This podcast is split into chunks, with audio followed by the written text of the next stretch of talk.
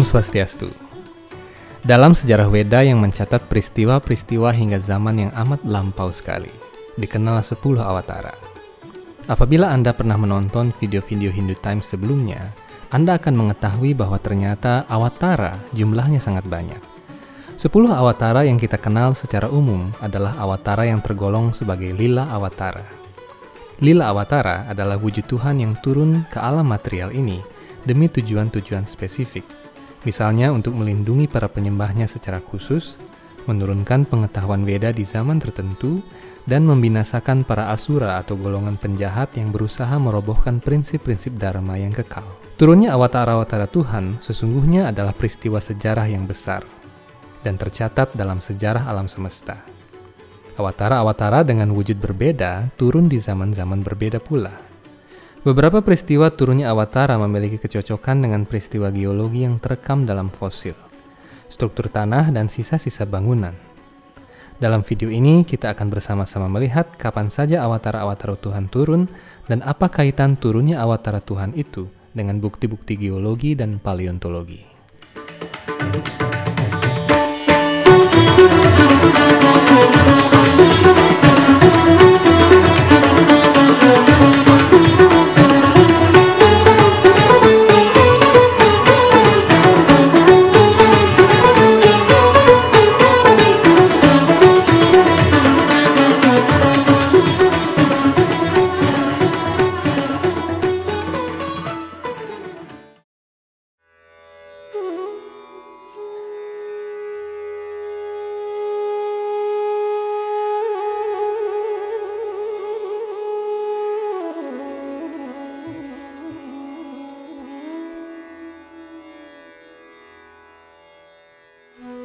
Pertama-tama mari kita membahas mengenai kapan Matsya Awatara turun. Kita mengenal Matsya Awatara sebagai awatara pertama Tuhan yang turun dalam wujud ikan yang sangat besar. Dalam video kisah rohani Hindu Times, Anda bisa menyimak peristiwa kemunculan awatara ikan maha besar ini. Berdasarkan kronologi dalam berbagai Purana, utamanya Matsya Purana, Wisnu Purana, Bhagavata Purana, dan Narasingha Purana, Awatara Matsya turun pada akhir periode Manwantara ke-6 atau Caksusa Manwantara. Apabila dihitung berdasarkan satuan waktu Purana, satu Manwantara berlangsung selama sekitar 311 juta tahun manusia dan terdiri atas 72 kali putaran empat zaman, yakni zaman Satya Yuga, Treta Yuga, Dua Para Yuga, dan Kali Yuga. Jadi dengan menghitung mundur waktu rata-rata ini, maka kita dapat melihat bahwa Matsya Awatara turun pada sekitar 100 hingga 70 juta tahun yang lalu pada akhir zaman Kretasius atau zaman Kapur menurut lini masa geologi. Berdasarkan ilmu geologi, zaman Kretasius adalah zaman akhir kekuasaan spesies dinosaurus di bumi Menurut kesimpulan sementara para paleontolog dan geolog, spesies dinosaurus punah karena terjadi sebuah tabrakan meteor raksasa di Teluk Meksiko pada sekitar 65 juta tahun silam. Tabrakan ini menyebabkan tsunami yang sangat besar sehingga menghapus hampir seluruh kehidupan di bumi kala itu. Tsunami super besar ini pula yang mengakhiri era Mesozoik pada lini masa geologi. Bukti-bukti terjadinya super tsunami ini masih bisa dilihat hingga kini, terutama di bagian barat Eropa dan bagian timur Amerika. Hal ini tampak mirip dengan uraian dalam Matsya Purana bahwa Tuhan turun sebagai Matsya untuk menyelamatkan Raja Satyavrata dan tujuh resi agung dari banjir yang sangat besar. Dari komparasi ini, tentunya muncul hipotesis bahwa spesies manusia yang berbeda sesungguhnya telah ada sejak 70 juta tahun yang lalu. Pergantian Manwantara ke-6 ke Manwantara ke-7 yang berlangsung saat ini pula lah yang menjadi tonggak munculnya spesies mamalia yang hingga kini menjadi jenis makhluk hidup paling kompleks dalam ilmu taksonomi. Waktu kemunculan awatara selanjutnya, yakni Kurma Awatara, juga dicatat secara detail dalam kitab-kitab Purana. Dinyatakan bahwa Kurma Awatara muncul pada pertengahan periode Manwantara ke-6 saat para dewa berperang dengan para asura di tepi jalur sungai Narmada. Tentunya Narmada yang dimaksud bukan sungai Narmada yang ada di India, apalagi di Lombok.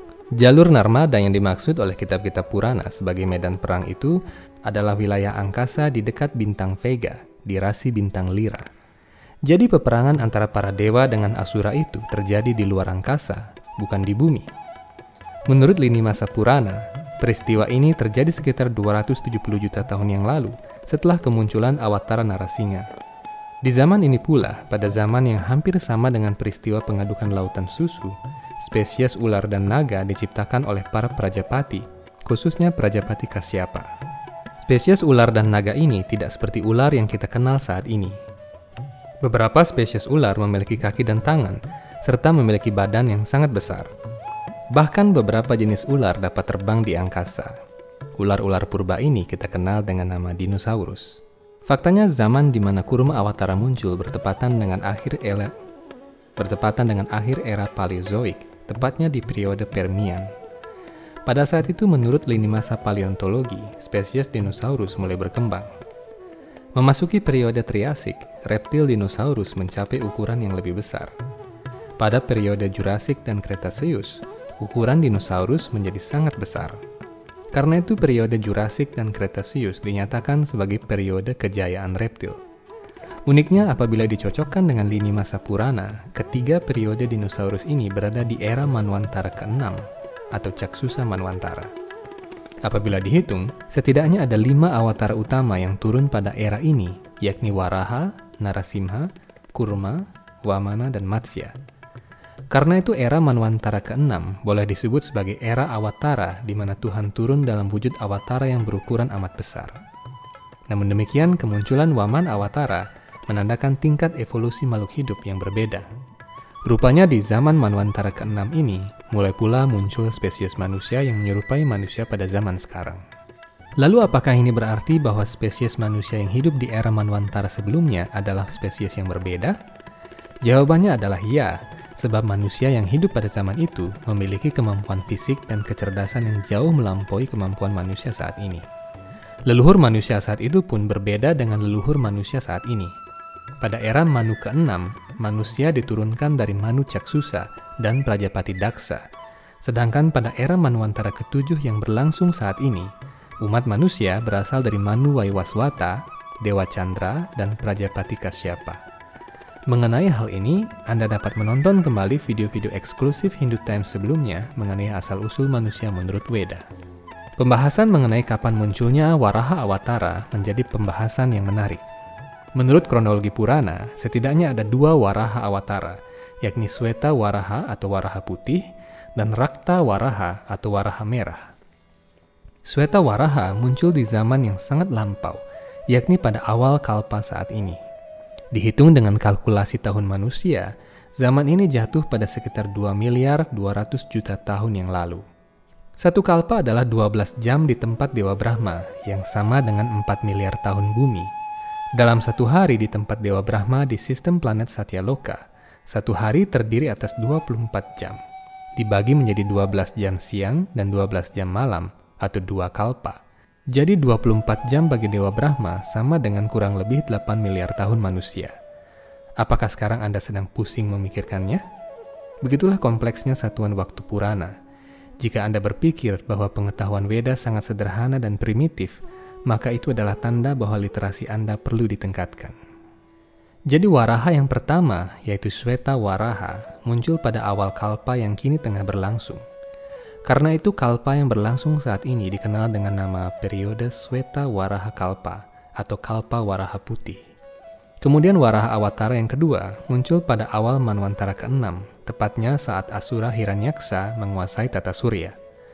Pada saat itu Hiranyaksa menjadi sedemikian kuat sehingga bisa mengubah orbit planet-planet di tata surya kita. Karena para Asura secara alami tinggal di sistem Patala, yakni bagian terjauh di tata surya, maka Hiranyaksha memindahkan orbit bumi keluar Saturnus. Ini menyebabkan makhluk hidup di bumi musnah. Untuk membinasakan Asura ini dan mengembalikan bumi ke orbit semula, Tuhan muncul sebagai awatara berwarna merah dari hidung Dewa Brahma. Dari wujud yang kecil, Tuhan seketika membesar hingga mencapai ukuran raksasa. Setelah membunuh Hiranyaksha, beliau mengangkat bumi dan menempatkannya di orbit semula.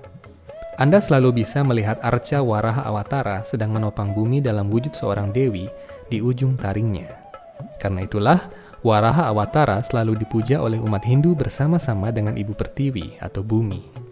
Inilah keunikan Hindu. Walaupun Tuhan adalah yang paling tinggi dan yang paling patut disembah, beliau tidak dipuja seorang diri. Beliau senantiasa dipuja bersama kegiatan-kegiatan rohaninya yang sangat ajaib, rekan-rekan kekalnya, dan para penyembahnya yakni para dewa dan manusia yang saleh. Dari lini masa geologi dan paleontologi, turunnya Waraha Awatara yang pertama atau Sweta Waraha bertepatan dengan era Paleoproterozoik, saat konon bumi masih dalam tahap pendinginan. Sementara itu Waraha Awatara yang kedua, yakni Rakta Waraha, muncul pada pertengahan era Paleozoik, tepatnya sebelum zaman karbon. Zaman karbon menandai berkembangnya spesies makhluk hidup yang jauh lebih kompleks daripada zaman-zaman sebelumnya. Ini kemungkinan karena suhu bumi menghangat dan kadar oksigen mulai banyak.